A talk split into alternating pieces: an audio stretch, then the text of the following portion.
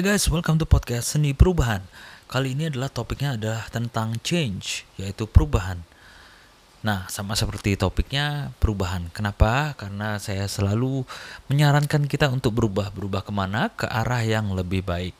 Kita harus selalu belajar dan bertumbuh supaya kita selalu menjadi pribadi yang lebih baik lagi dari hari ke hari. Bukan menjadi pribadi yang lebih jelek lagi dari hari ke hari. Itu salah ya. Karena itu, untuk bisa berubah menjadi pribadi yang lebih baik lagi setiap harinya, kita harus tetap belajar dan mengeksekusi apa yang kita pelajari. Oke, sekarang adalah tentang change atau perubahan. Tidak ada yang abadi di dunia ini, yang abadi hanyalah perubahan. Jika kita tidak menyukai kehidupan kita saat ini, maka berubahlah. Jika kita ingin mempunyai kehidupan yang kita impikan, maka berubahlah jika kita ingin mempunyai hasil yang berbeda, maka berubahlah. Perubahanlah yang harus selalu kita hadapi. Dari era generasi dulu dan sampai sekarang, di mana era teknologi memaksa kita untuk berubah. Karena alternatifnya, jika kita tidak berubah, maka kita akan mati. Ya, ingatkah kalian di zaman dinosaurus dulu, mereka yang gagal beradaptasi dengan perubahan lingkungan tidak akan ada yang selamat. Ingatkah di mana dulu era industri sangatlah berjaya, pabrik di mana-mana, semuanya ingin bangun pabrik besar. Dan sekarang siapa yang menang? Era informasi dan teknologi, bukan? Ingatkah dulu di zaman semua pakai HP jadul, BlackBerry, apalagi masanya brand Nokia yang mendunia.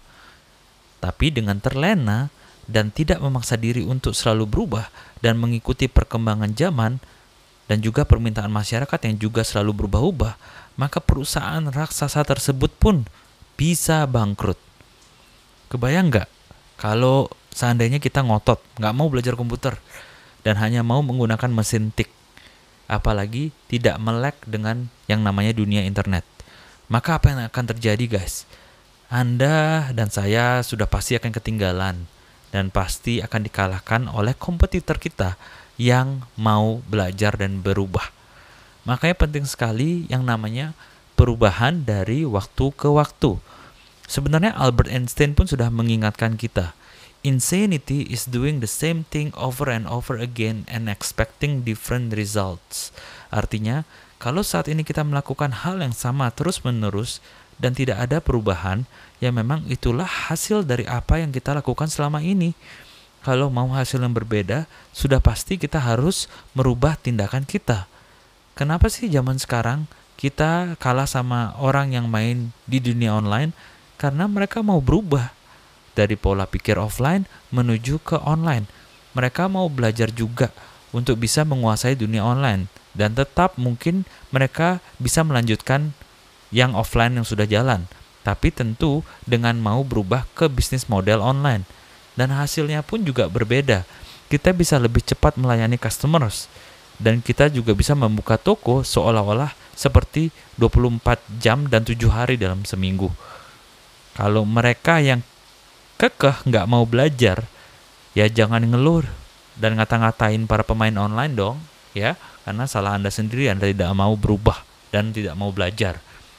Perubahan ke kehidupan yang lebih baik bisa dimulai dari yang pertama, adalah perubahan pola pikir atau mindset. Pola pikir kita yang lama tidak bisa dipakai untuk mendapatkan hasil yang baru. Kita harus mempunyai mindset untuk cepat beradaptasi. Setiap hari, bulan, tahun, perubahan bisa terjadi. Harus sigap dan harus mau belajar terus. Mau beradaptasi, mau mencoba hal yang baru. Jika kita mau sukses pun, maka mempelajari mindset orang sukses menjadi sebuah keharusan. Kalau kita tidak mau belajar, bagaimana kita tahu kalau ternyata jangan-jangan selama ini yang menghambat kesuksesan kita adalah pola pikir kita? Selalu fokus pada pengembangan diri kita ya. Oke, yang kedua adalah perubahan kepercayaan atau self belief. Mungkin selain pola pikir, kita harus mengubah kepercayaan kita. Mungkin dari kecil kita mempunyai atau didoktrin kepercayaan yang salah Contohnya, ada yang mendoktrin uang adalah akar dari segala kejahatan. orang kaya itu semuanya licik atau jahat, ya otomatis Anda akan menjauhi yang namanya uang dan kesuksesan dan kekayaan karena itu yang mendoktrin diri Anda. Selain itu, mungkin Anda punya limiting belief yang menghambat Anda. Anda juga pasti pernah merasa kayak, ah maybe I'm not good enough. Dia hebat, soalnya dia lulusan luar negeri. Saya hanya lulusan SMP. Nah, sekarang saya tanya, ada nggak sih orang di luar sana yang hanya lulusan SMP aja bisa sukses? Kalau Anda benar-benar cari tahu, jawabannya banyak sekali loh orang yang berhasil tidak dengan pendidikan yang tinggi. Hal tersebut harusnya bisa membuat Anda merasa lebih yakin lagi bahwa segalanya itu mungkin terjadi. Yang penting niatnya. Belief yang harus diubah dengan belief yang baru yang membantu Anda menuju ke mimpi Anda buang belief atau kepercayaan yang memang membuat kehidupan Anda tidak lebih baik dan menjauh dari goal Anda. Gimana caranya meningkatkan belief ini? Perbanyak baca biografi orang sukses. Di sana Anda akan ketemu banyak sekali cerita-cerita yang memang sangat menginspirasi di mana kehidupan mereka yang dari nol bahkan minus itu bisa menjadi sampai sukses. Itu banyak dari mereka yang awalnya itu jauh dari kata kesuksesan. Oleh karena itu, perbanyak baca dan itu akan menginspirasi Anda sehingga Anda bisa merubah belief Anda ke arah yang lebih baik lagi. Ya, merubah belief kita seperti orang-orang sukses tersebut, ya. Yang ketiga adalah soal faktor lingkungan. Lingkungan yang toksik atau lingkungan yang buruk sudah pasti akan mempengaruhi kita. Ada quotes yang bilang birds of the same feathers flock together burung yang mempunyai bulu yang sejenis terbang bersama. Kalian lihat bagaimana pengaruh lingkungan ini sangat kuat dalam kehidupan kita. Lihatlah orang-orang yang alkoholik. Mereka juga mempunyai teman-teman yang alkoholik kan? Ada pepatah yang bilang juga, Show me your friends and I'll show you your future. Sekarang ceklah teman-teman terdekat Anda, mulailah untuk bijak memilih teman-teman yang ingin berada di circle Anda. Pastikan mereka adalah teman-teman yang memang membuat kamu untuk maju. Bahkan kalau bisa, mereka yang lebih sukses dari kita, sehingga kita bisa belajar dengan mereka. Kalau tidak pun, carilah teman-teman yang sama-sama ingin maju, jadinya kamu punya kamu tuh kayak ketularan semangat ingin majunya seperti mereka. Karena mereka menggebu-gebu ingin maju, kamu tanpa sadar kamu juga ketularan seperti mereka. Berbeda dengan jika kamu bergaul dan memilih circlemu adalah orang-orang yang malas, suka dugem, atau suka-suka nyinyir. Dan apa yang terjadi saat kamu mau maju? Ya, mereka malah nyinyirin kamu kan. Ngapain sih kamu usaha keras? Kita ya segini-segini ini, segini-segini aja lah. Enjoy aja hidup ini, ngeflow aja, nggak usah kerja keras. Kalau saat Anda mau kerja keras, mereka bilang, Ngapain kerja keras? Memangnya kamu bisa kaya? Udah yuk, kita dugem aja malam ini. Terus kalau kamu menolak, nanti dibilang kamu tidak asik. Ya, bagi saya kalau pergaulan tersebut tidak membawa arah hidup saya menjadi lebih baik, maka sorry aja deh. It's okay to say goodbye to them. Dan mulai mencari pertemanan yang lebih positif. Kalau nggak suka, ya pindah. You are not a tree pohon doang yang nggak bisa pindah, tapi kita bisa pindah kapan aja. Tetapi kalau keluarga misalnya gimana, yang memberikan toxic, ya ini agak tricky ya guys ya. Hal yang bisa kita lakukan adalah memang dengan mengurangi frekuensi ketemu dengan mereka, atau kita juga bisa memenuhi pikiran kita dengan hal yang positif dengan cara pakai headset, dengerin podcast, musik, dan hal-hal positif lainnya. Jangan sampai jumlah omongan mereka lebih banyak dari hal-hal yang positif ini. Kamu harus merubah lingkunganmu, tetap mencintai mereka sebagai keluarga, tetapi kamu harus mendengarkan kepada mereka yang sudah terbukti mempunyai kehidupan yang kamu inginkan. Isi otak dengan hal-hal yang positif dan banyaklah berdoa. Kamu bisa mencoba untuk menyelamatkan mereka dengan memberikan buku atau mencoba untuk berdialog, menginspirasi, menasehati, tapi kalau tidak bisa ya sudah, nggak apa-apa. Kamu harus mendominasi otakmu dengan hal-hal positif, menciptakan lingkungan itu sekreatif mungkin dengan cara seperti tadi kamu menciptakan lingkungan eh, ruangan baca yang sunyi, yang tidak diganggu siapa pun, terus kamu menggunakan headset yang berisikan seperti podcast-podcast positif seperti ini ataupun eh, lagu-lagu yang yang baik yang yang kamu sukai yang membuat kamu mempunyai perasaan yang baik. Itu yang bisa kamu lakukan untuk menciptakan lingkunganmu sendiri. Keempat adalah skill set. Tentu perubahan itu memaksa kita untuk selalu upgrade diri. Jangan bengong dan berpuas diri. Kita harus upgrade diri kita secara terus-menerus. Konsistensi dalam mengembangkan skill set sangat menjadi peran penting dalam berkompetisi saat ini. Upgrade skill kamu yang tadinya nggak bisa online, sekarang harus bisa belajar ilmu online. Skill kita harus berubah, berubah ke lebih baik tentunya. Skill apa yang kamu butuhkan untuk menuju mimpi kamu?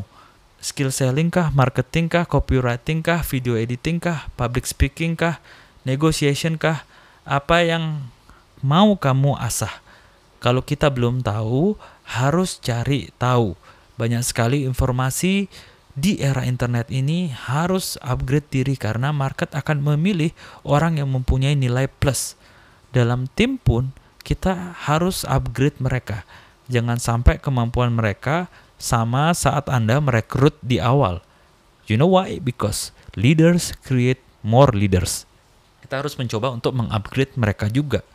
Ya, nggak usah takut lah mereka mau pindah, tapi ya yang lebih parah lagi, kalau mereka udah nggak bisa apa-apa, tambah bodoh, dan dia tetap stay di perusahaan kamu, itu lebih parah ya efeknya. Oke. Okay? Yang kelima adalah perubahan apa yang harus kita lakukan adalah kebiasaan. Orang sukses mempunyai kebiasaan dan pola mereka dalam menjalani kehidupannya.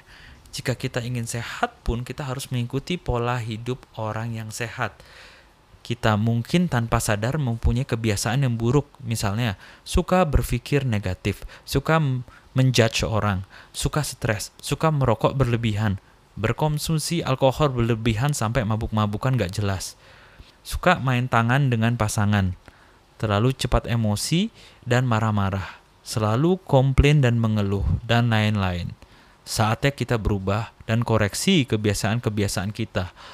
Apa yang harus kita ubah? Apa yang sudah bagus tapi bisa ditingkatkan lagi? Kebiasaan apa yang dimiliki oleh orang-orang sukses?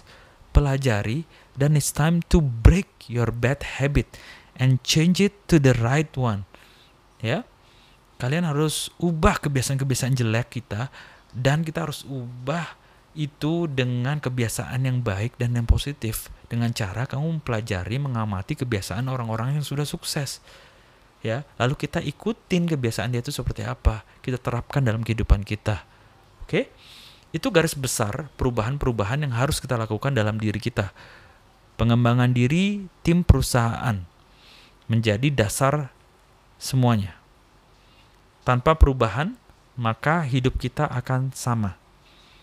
Dengan berubah, kita bisa merubah pribadi kita ke arah yang lebih baik lagi sampai kita bisa menjadi the best version of ourselves. Dengan berubah, kita bisa mendapatkan hasil yang berbeda tetapi saya tahu bahwa berubah itu tidaklah mudah. Tapi hidup akan lebih mudah jika kita mau berubah. Kalau kita nggak mau berubah, ya good luck. Anda akan kalah seiring perkembangan zaman. Saatnya berubah ke arah yang lebih baik lagi. Change is good. Change starts from the inside out. Ubahlah yang di dalam sebelum keadaan di luar akan berubah. Berubah itu dari hal yang bisa kamu kontrol fokus di sana. Makanya saya menciptakan podcast saya berjudul Seni Perubahan karena saya tahu yang abadi hanyalah perubahan. Dan doa saya adalah saya ingin kita semua bisa berubah menjadi pribadi yang lebih baik lagi, bahkan kita semua bisa meraih mimpi kita dan menjadi the best version of ourselves.